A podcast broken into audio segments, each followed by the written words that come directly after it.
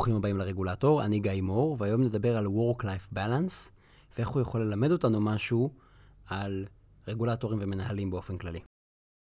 אתם כל הזמן עם הטלפון, במשרד, במסעדה, בתחבורה ציבורית, לפני השינה. אתם עם הטלפון כל הזמן ובכל מקום. זה טוב, זה רע? נראה לי שהטכנולוגיה היא ניטרלית. הטכנולוגיה הזאת הנגישה לנו אמצעי תקשורת ששברו את המחיצות. אבל יש איתה גם בעיות, כי בגלל שאנחנו זמינים בכל מקום ובכל זמן, אז העבודה רודפת אחרינו גם בשעות הפנאי. זה ממש לא נדיר לקבל מיילים בשעות הערב המאוחרות מהעבודה, ולא מעט אנשים בודקים את תיבת הדואל שלהם דבר ראשון בבוקר. יוצא שגם אם עובד יוצא מהמשרד, וגם אם המשרד סגור, ובתקופת הקורונה גם אם אתם מהבית ולא עובדים, מקום העבודה הדיגיטלי נשאר תמיד פתוח וזמין כל הזמן. למגמה הזאת יש השפעות חברתיות ובריאותיות ואפילו נפשיות, ובשנים האחרונות יש קריאות לארגן מחדש את דיני העבודה, כדי לקבוע רגולציה שתאפשר לעובדים להתנתק דיגיטלית אחרי שעות העבודה. בעצם מה שאומרים לנו זה שיש לנו בעיה של איזון, ואנחנו צריכים לייצר איזון חדש. הבעיה הזאת היא בעיה עולמית. התופעה הזאת של חיבור דיגיטלי תמידי למקום העבודה, ומקומות עבודה שכל הזמן מצפים מאיתנו להיות זמינים, היא תמידית.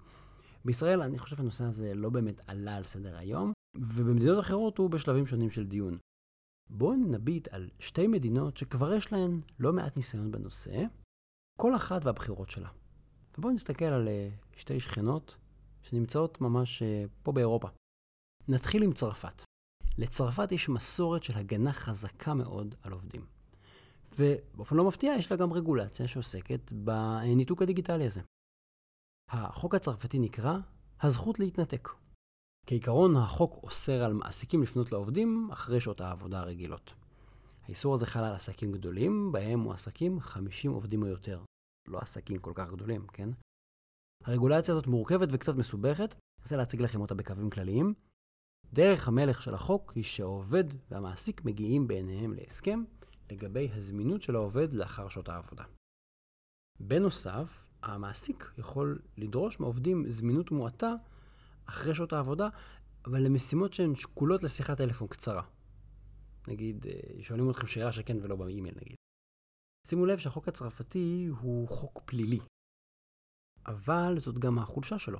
כי אם אה, אנחנו רוצים להעניש איזשהו מעסיק, אז צריך חקירה פלילית, ואיסוף של ראיות, ואיזה משפט שלם פלילי, כי זו הרשעה פלילית, זה לא דבר שנגמר בטיק טק. ומאחר שצרפת אה, הלכה לאפיק הפלילי, אז החוק הזה לא נותן לעובדים זכות להגיש תביעת פיצויים אזרחית. זאת אומרת, אולי המעסיק ילך לכלא, העובד לא יראה מזה איזשהו פיצוי. אז זאת צרפת. מאוד מאוד בעד עובדים, וככה נראית הבחירה שלהם. בגרמניה, השכנה שלה, יש גישה קצת אחרת. במידה מסוימת היא יותר מתונה, יותר מאוזנת. בגרמניה אין רגולציה כופה על הנושא. הגישה של הממשלה היא יותר של אה, וולונטריות והסכמים. מה שקרה זה שבפועל מעסיקים החלו על עצמם באופן וולונטרי רגולציה עצמית. למשל, ארגון עסקים שנקרא פדרציית המסחר הגרמנית, גיבשה מדיניות בתיאום ובשיתוף עם משרד העבודה והרווחה הגרמני. והמדיניות הזאת מותאמת לצרכים של העובדים ושל העסקים באותו סקטור.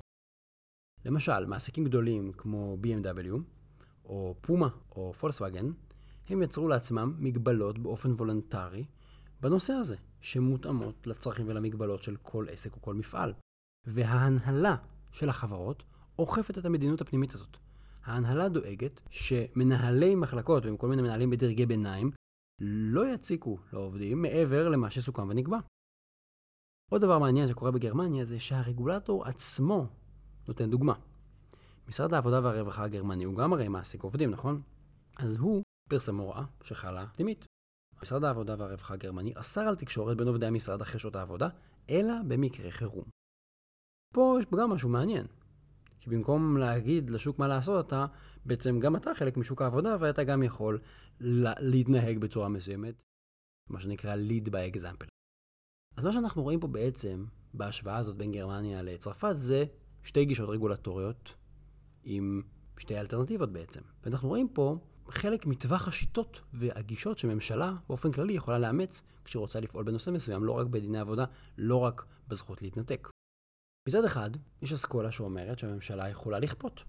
וזאת הרגולציה הקלאסית שאתם חושבים עליה דבר ראשון, זה נקרא בספרות ציווי ושליטה. Command and Control. זאת רגולציה שמצריכה לקבוע מערכת של כללים. זה לא נגמר רק במה אסור או מותר, צריך כל מיני סייגים, וצריך סעיפי תכולה, וצריך כל מיני איזונים ובקרות. לעיתים קרובות רגולציה כופה גם מצריכה מערכות משלימות. צריך יחידה בירוקרטית שתנפיק אישורים, ותאסוף מידע, ותענה על שאלות, ותענה לטלפון. צריך פיקוח ואכיפה. צריך בקרה שתאסוף מידע. צריך הטמעה של המדיניות. אה, מעבר לאיסוף מתמיד של מידע, צריך גם לבצע תיקונים. בתמצית, אין לי אוויר, בתמצית ברגולציה כופה, הממשלה מחליטה למלא תפקיד אקטיבי, וכשחקן אקטיבי יש לה הרבה מאוד עבודה, היא נושאת במשקל לא מבוטל. אז זאת אסכולה אחת, אבל מצד שני יש גישה קצת אחרת, שבה המדינה בוחרת בתפקיד יותר רך, יותר מנחה, פחות לנהל יותר, להנהיג. בעצם, פה הרעיון הוא שאנחנו מנסים לפתור את הבעיות מתוך תפיסה שהציבור והעסקים הם לא בהכרח הבעיה, הם יכולים להיות חלק מהפתרון. ובמידה מסוימת, המפוקחים שלי הם הצרכנים שאני צריך לשרת, שהפתרון שלי, שהמדיניות שלי, אני צריך בעצם לשרת אותם. בגישה כזאת אנחנו יותר נתבסס על שיתופי פעולה, שיתופי פעולה בין מגזרים למשל. אנחנו לא ננסה לנהל את הציבור עם הוראות לגבי כל פרט ופרט. אנחנו ניתן להם יותר תמריצים חיוביים. ההתערבות שלנו תהיה יותר מתונה, למשל נציע שירותים, או באמצעות כלכלה התנהגותית, או נמסור מידע. אנחנו ננסה להעצים ולשפר את קבלת ההחלטות, ולא לכפות ולהכריח. באופן כללי, כגישה אנחנו ננסה לעשות יותר שיתוף ציבור, יותר להתייעץ ולחשוב יחד עם הציבור, ולא להנחית.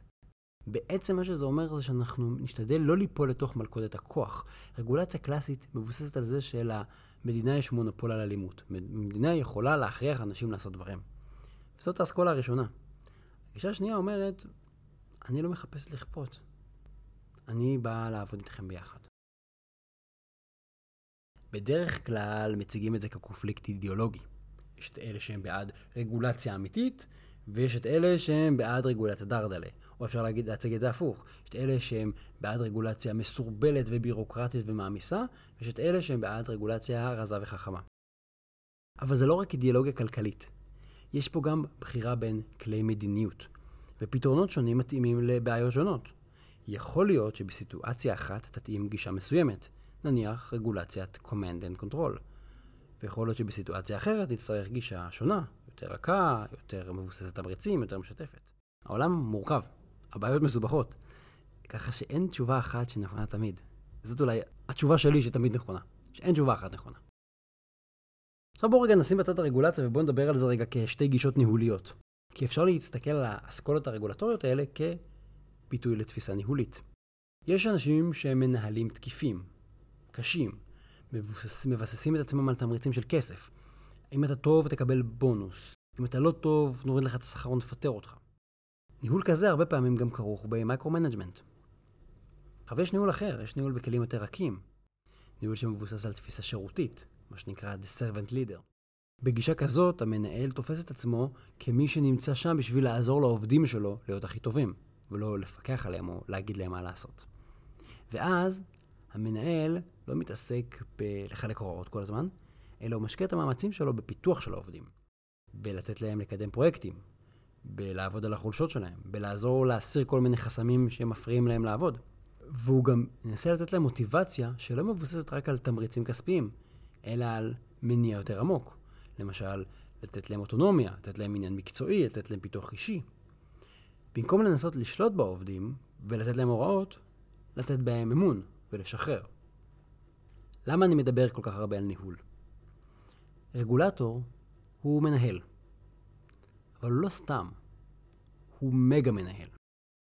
הוא לא מנהל כמה עובדים, הוא מנהל סקטורים שלמים. רגולטור לא מאוד בכיר, בקלות יכול לנהל מאות חברות. הוא לא באמת המנכ"ל של אותן חברות, אבל הוא מוריד הוראות והוא שולט עליהן והוא אומר להן מה לעשות ומה לא, הוא ממש יכול לנהל חלקים ניכרים מהפעילות שלהם. והוא יכול לבחור האם כרגולטור הוא רוצה לנהל את החברות האלה בצורה קשה, תקיפה ומתערבת, או שהוא רוצה לנהל באופן רך. רותם, מעצים, בונה אמון.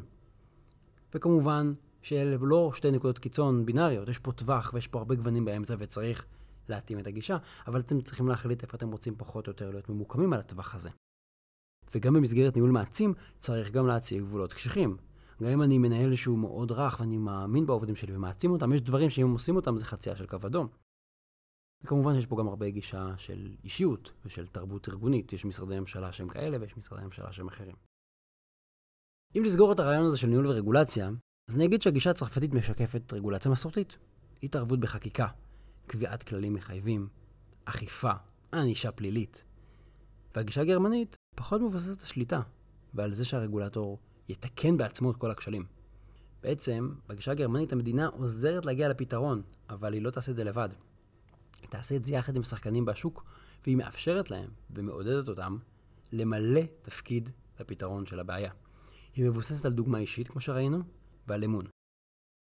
אני באופן אישי, גם כמנהל וגם כמומחה לרגולציה, מתחבר יותר לגישה שמבוססת על העצמה ועל מתן אוטונומיה, ופחות על ניסיון לשלוט. בעיניי זה יותר נכון גם במקום העבודה, גם ברגולציה על מקום העבודה, וגם ברגולציה בכלל. אפשר להשתמש בכלים קשים, לא צריך להוריד אותם מהשולחן, אבל אני חושב שנקודת המוצא שלנו צריכה להיות מתן אמון, להסתכל על אנשים כאלה שותפים שיכולים להיות חלק מהפתרון ולא רק חלק מהבעיה, ולהעצים אותם ולרתום אותם. והערה קטנה לגופה של רגולציה, די ברור שרגולציה על הזכות להתנתק היא תוצר של קונפליקט בין עבודה לפנאי. ובעצם זה קונפליקט של פרודוקטיביות. אנחנו רוצים להספיק יותר עבודה, או המעסיק שלנו רוצה שנספיק יותר עבודה, אבל זה בא על חשבון הפנאי והבריאות הנפשית שלנו. הניסיון מלמד שניהול מעצים, לא ניהול פיקודי, שמבוסס על אמון ולא על כפייה, מייצר תוצאות יותר פרודוקטיביות. זאת אומרת, שללחוץ יותר חזק לא מביא תוצאות יותר טובות. אפשר ליישם את זה גם בפרודוקטיביות בעבודה עצמה, או פרודוקטיביות בתוצאות של הרגולציה. ואם התחלנו בסוגיה של Work-Life Balance, אז גם בהיבטים הרגולטוריים הפתרון חייב להיות ממוקד בני אדם, ולא קשיח ופורמליסטי. בסוף רגולטור הוא לא בן אדם שכותב נהלים, הוא בן אדם שעובד מול אנשים. זהו, תודה רבה שהאזנתם לפרק הזה, נהניתי מאוד. אתם מוזמנים להשאיר לי uh, תגובות בבלוג, במסנג'ר של עמוד הפייסבוק, אני מאוד מאוד שמח לקרוא את ההערות שלכם. מוזמנים גם לעקוב כמובן ולעשות מנוי באפליקציית הפודקאסטים שלכם. התכנים משקפים את דעותיי בלבד.